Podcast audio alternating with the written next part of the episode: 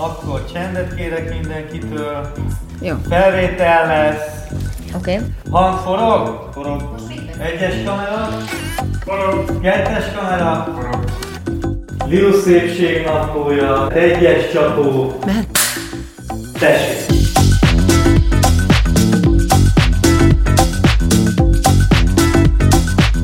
A szépség benned van, de sokat tehetsz azért, hogy ezt mások is észrevegyék. A Rosszmannal közösen készített szépségnapló videókban megmutatjuk, ebben a podcastban pedig megbeszéljük, hogy mire érdemes időt és energiát fordítani, hogy még jobban érezhess magad a saját bőrödben.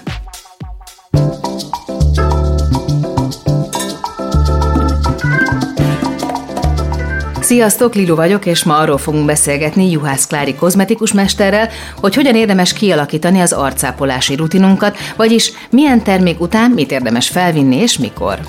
Juhász Klári kozmetikus mesterrel, ugye már a videóban, amit már láthattatok, elkezdtünk beszélgetni a rétegezésről, mi miután következik, ugye El Klári elmondta, hogy a nulladik lépés gyakorlatilag mindig a tisztítás, beszéltünk a dupla arc tisztításról, hogy mikor indokolt, aztán ugye jött a tonik, aztán jött a szérum. Ampulla vagy szérum. Ampulla, igen, ampulla vagy szérum, aztán pedig a hidratáló, illetve, hogyha reggeli rutinról van szó, akkor a fényvédő. Így. Oké. Okay. De hát ez nagyon, nagyon elnagyolt így, hát ennél bőven-bőven sokkal több van ebben. Egy kicsit bontsuk le hatóanyagokra, illetve, hogy miben mi van, akár tonik, akár szérum, mi az, amit együtt tudunk használni, mi az, amit értelmetlen használni együtt, és mi az, ami már, ami már sok, ami már teljesen értelmetlen. Ugye olyat is lehet olvasni nagyon sok felületen, hogy akár három-négy szérumot használ valaki a, a tonik után. Hú, mekkorára kerekedett a szemed. Igen, mert hogy én azt gondolom, hogy teljesen felesleges nagyon sok mindent felpakolni. Tehát úgy tudom ezt szemléletesen mondani, mint amikor a, a festő rakosgatja egymásra a rétegeket, tehát nem lekaparja és vakolja és újra festi, akkor ez egy idő után lepereg, tehát egy idő után nem fog tudni hasznosulni. Tehát nem gondolom, hogy sokféle szérumot kell egyszerre használni, inkább mondjuk váltani a szérumokat, hogy egyik nap mondjuk egy C-vitaminos szérumot rakok föl, a másik nap fölrakom a peptideket. Na jó, akkor viszont rakjál össze egy jó kis heti rutint most nekem, szérum szempontból, letisztítottam, gyönyörű tiszta az arcom, 45 éves nő vagyok, fehér a bőröm, kicsit száraz, érzékeny, szépen betartom tényleg a rutin összes lépését, fényvédőzök, mindent csinálok, ott állok este a tonik után, és van 15 féle szérumom. Van niacinamidos, van C-vitaminos, van peptides, van retinolos, van minden. Teli vagy szérummal. Annyi van, mint egy kis bőröndre való. Az a jó, hogy egykorúak vagyunk, tehát akkor az én rutinomat el tudom mondani, hogy én hogy csinálom az esti rutinomat letisztítás után. Én úgy szoktam csinálni, hogy mivel a C-vitamin nagyon kell a kollagén képzéshez, uh-huh. tehát, hogy nagyon fontos, hogy az én rostjaim újra képződjenek, mert hogy el van lustulva. Egy picit már ott az írha rétegnek a fibrocita sejtje, és nem alakul fibroblasztá, hiába szeretném, ezért a C-vitamint én legalább heti három háromszor használnám, úgy, mint az edzés, tehát hogy a hétfő, szerda, péntek uh-huh. használom a C-vitamint.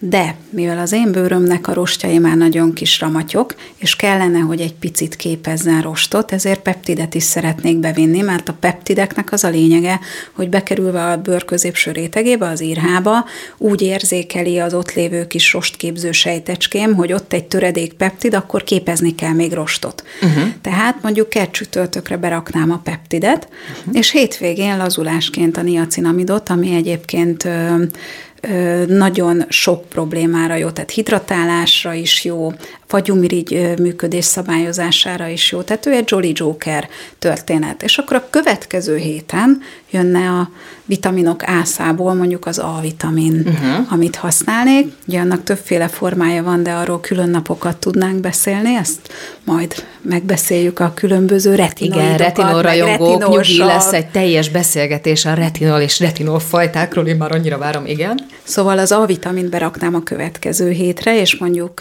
E-vitaminnal kombinálnám, mert hogy az A-vitamin egy nagyon érzékeny vitamin, tehát mindig kombinálják, vagyis szerintem az a jó, ha van mellette vagy C-vitamin, vagy E-vitamin, mert hogy nagyon könnyen oxidálódik, és kell mellé egy antioxidáns.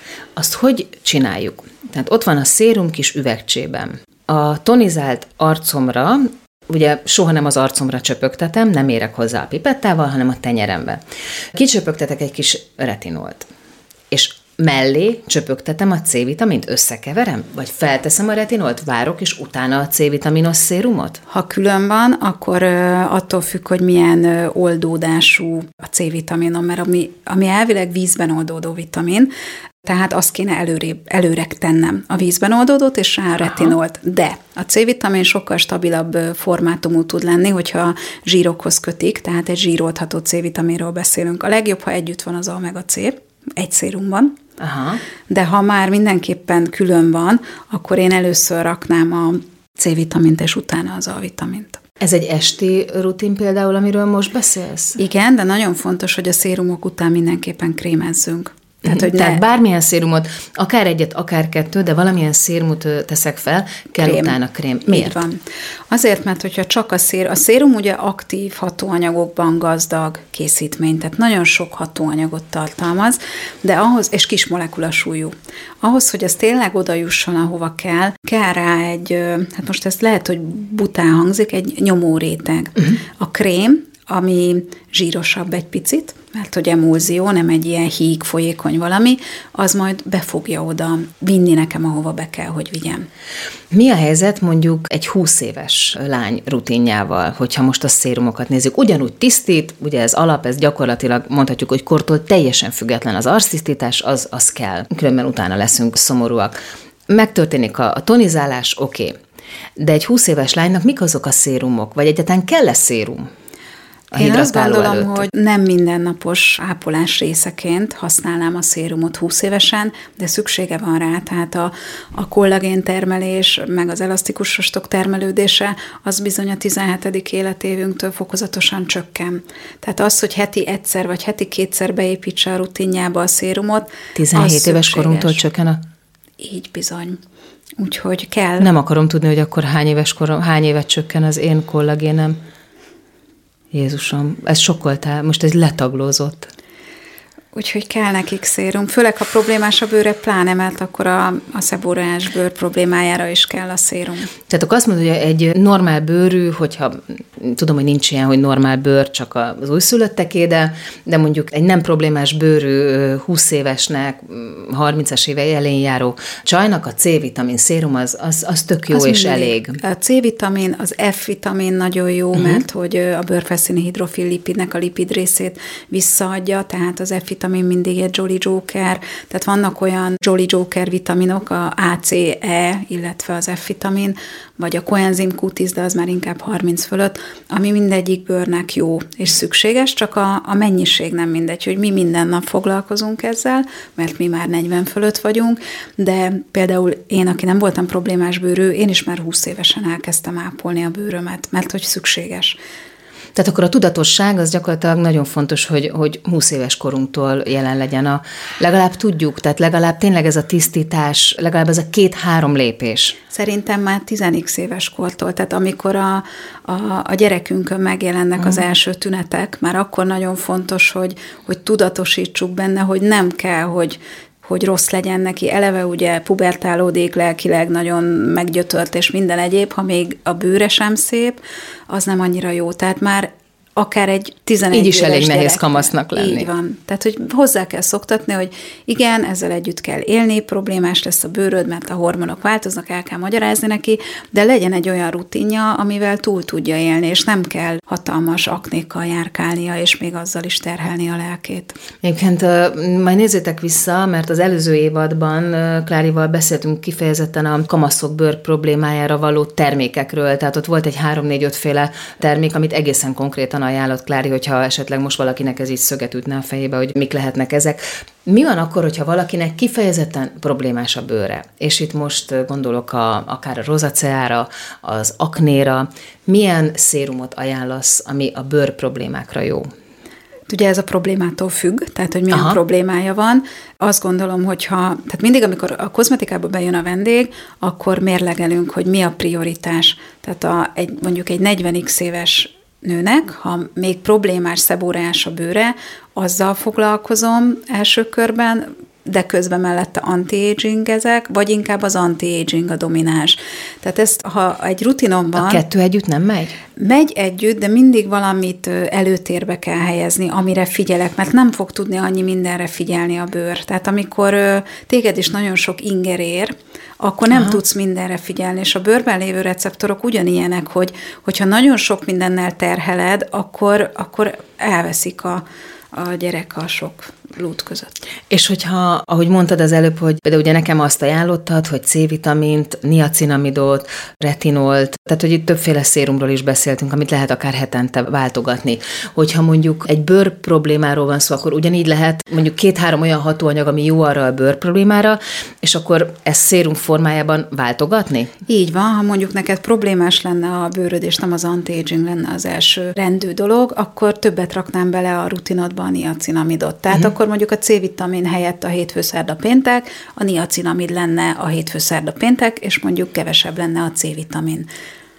Arra gondoltam most, hogy egy olyan beszélgetés is bőven elférne, ahol csak simán végigvesszük a, a hatóanyagokat, vagy azt mondjuk, hogy C-vitamin, és annak a, az, hogy melyik, hány százalékban érdemes, vagy hány százalékos lehet. Ugye a retinolból is van fél százalékos, van egy százalékos, kinek mi kell, egyáltalán a niacinamidnál hány százalékot kell nézni. Tehát szerintem ebbe is nagyon, nagyon homályosak az ismeretek, még az én ismereteim is pedig tényleg sokat foglalkozom ezzel, de egy ilyen tök jó kis iránymutatás azért el, elférne ebbe ebben. Hát meg nem csak a százalék, hanem a formula. Tehát a nem formula. mindegy, hogy retinil palmitátként van benne mondjuk, vagy a retinolt használom, vagy nem mindegy, hogy aszkorbinsav, tehát aszkorbik acidot olvasok, vagy mondjuk aszkorbi palmitát van a termékben. Tehát ez is számít, savaknál pedig, ami nagyon sokszor... Ez már Jedi képző. Így van, Igen. így van, ott meg a pH. Tehát a savak használata, meg a savaknak a fajtája, az nyilván meghatározza azt, hogy mi a célom pigmentfoltot szeretnék halványítani, a szeborás bőrállapot szeret, állapotot szeretném javítani, vagy mondjuk egy anti-aginget szeretnék vele végezni. Tehát ez a rutinnál el fogja dönteni, hogy milyen savat fogok választani, mert ha mondjuk problémás a bőröm, akkor, akkor bátran nyúlhatok a BH-hoz, tehát a szalicélsavhoz, vagy az azelain-savhoz, mert az fog tudni ezen javítani. Ha mondjuk anti-aging a célom, akkor, akkor inkább a tejsav fele megyek, vagy a glikolsavat nem túl nagy koncentrációban, illetve a nyilván befolyásolja a pH, tehát ö, fontos az, hogy, hogy mi a célom.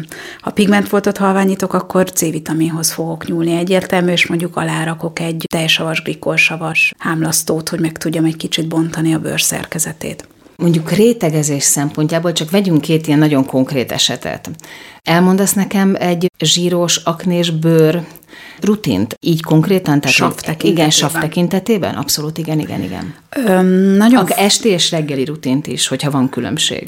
Én azt gondolom, hogy a savakkal reggel azért csinyán bánnék, tehát akármennyire is fényvédőt használunk, én nem reggel savaznék, hanem mindenképpen este savaznék. Hogyha zsíros problémás a bőröm, akkor én váltakozva használnám a BHA savat, illetve az azelain savat, mert hogy azok a savak tudnak úgy a szőrtűszőben hatni, és ott is egy pici hámlasztást végezni, ami segíti, ugye egyenletesebbé válik a fagyú ürülése, és azzal javítom a bőr állapotát. Tehát ott ezekkel játszanék, de lehet, hogy néha bevenném a tejsavat is, hogy hidratáljam egy picit, mert hogy nem szabad nagyon erőteljesen hatni erre se, tehát a szeborás bőre sem. Tehát azt gondolom, hogy fokozatosan kell itt is.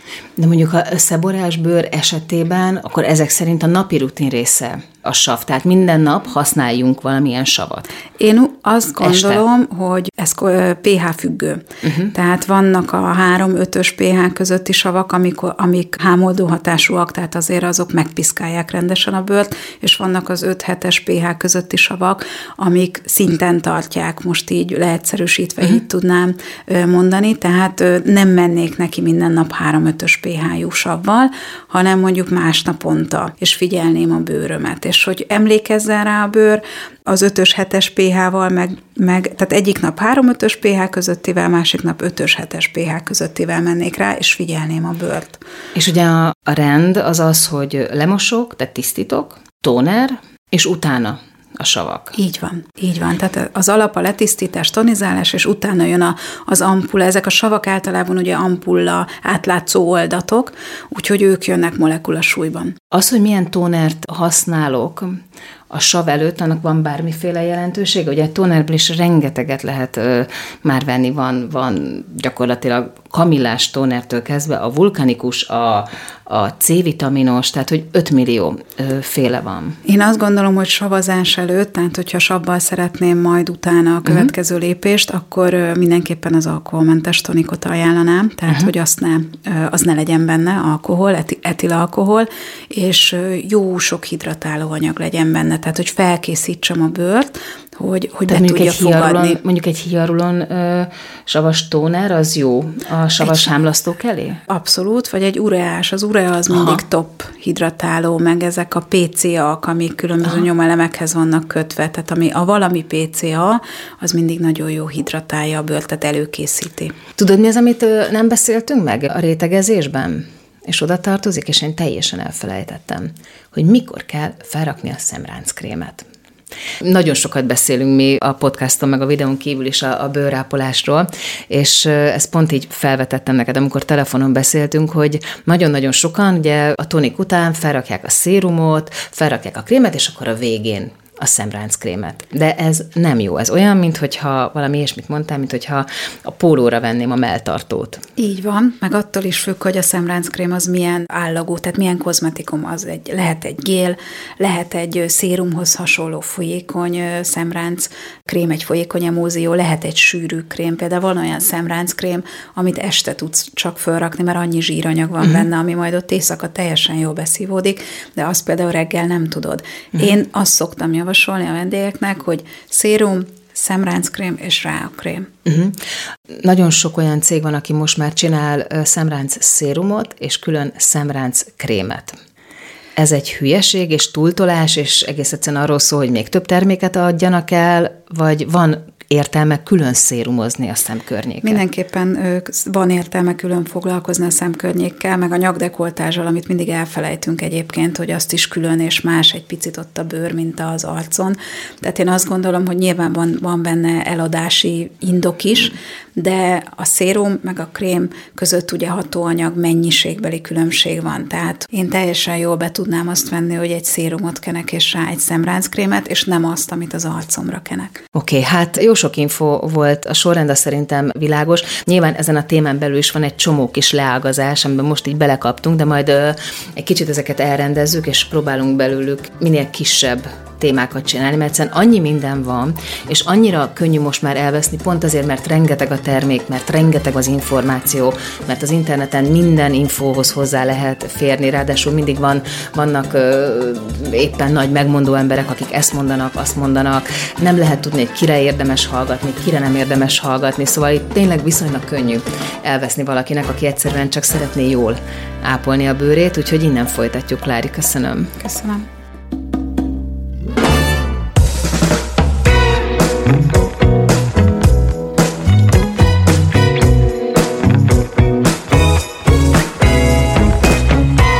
A Szépségnaplót hallottátok, ami az azonos című YouTube sorozat kiegészítő műsora. Azért indítottuk el ezt a podcastot, hogy segítsünk megtalálni a benned lévő szépséget, és tanácsokat adjunk, hogy ezt hogyan tudod a legjobban kiemelni. Ha érdekel a téma, mindenképpen iratkozz fel a csatornánkra, és hallgass meg a többi adásunkat is. Ha nem csak hallgatnád, de néznéd is az epizódokat, keress rá a videóinkra, amelyeket a YouTube-on Lilus Szépségnaplója címen a Rosszman csatornáján találhatsz meg. A műsor szerkesztője Zsíle Sára Franciska, felvételvezetője Csomor Attila, a zenei és utómunka szerkesztő Szűcs Dániel, a kreatív producer Román Balázs, a producer pedig Hampuk Richard. A Szépségnaplót is Lilut hallottátok. Ne felejtjétek, a szépség tanulható. Beaton Studio Ha más podcastekre is kíváncsi vagy, hallgassd meg a Béton műsor ajánlóját. El tudod képzelni, hogy a podcastet, amit éppen most hallgattál, fél év múlva már a mesterséges intelligencia generálja? Mi sem. De ha érdekel, eljötte már a gépek lázadása. Hallgass bele az Embertelen podcastbe. Orsós Lajos vagyok, a műsor házigazdája. Egyelőre még élőben. Egyelőre. Fedezzük fel együtt, hogyan ismerkedik, randizik, mesél és vitatkozik Betty és Péter, két teljesen mesterséges intelligencia. Lajos, a podcast címét mond még egyszer, Léci. Oké. Okay. Embertelen podcast. Ez egy Béton podcast.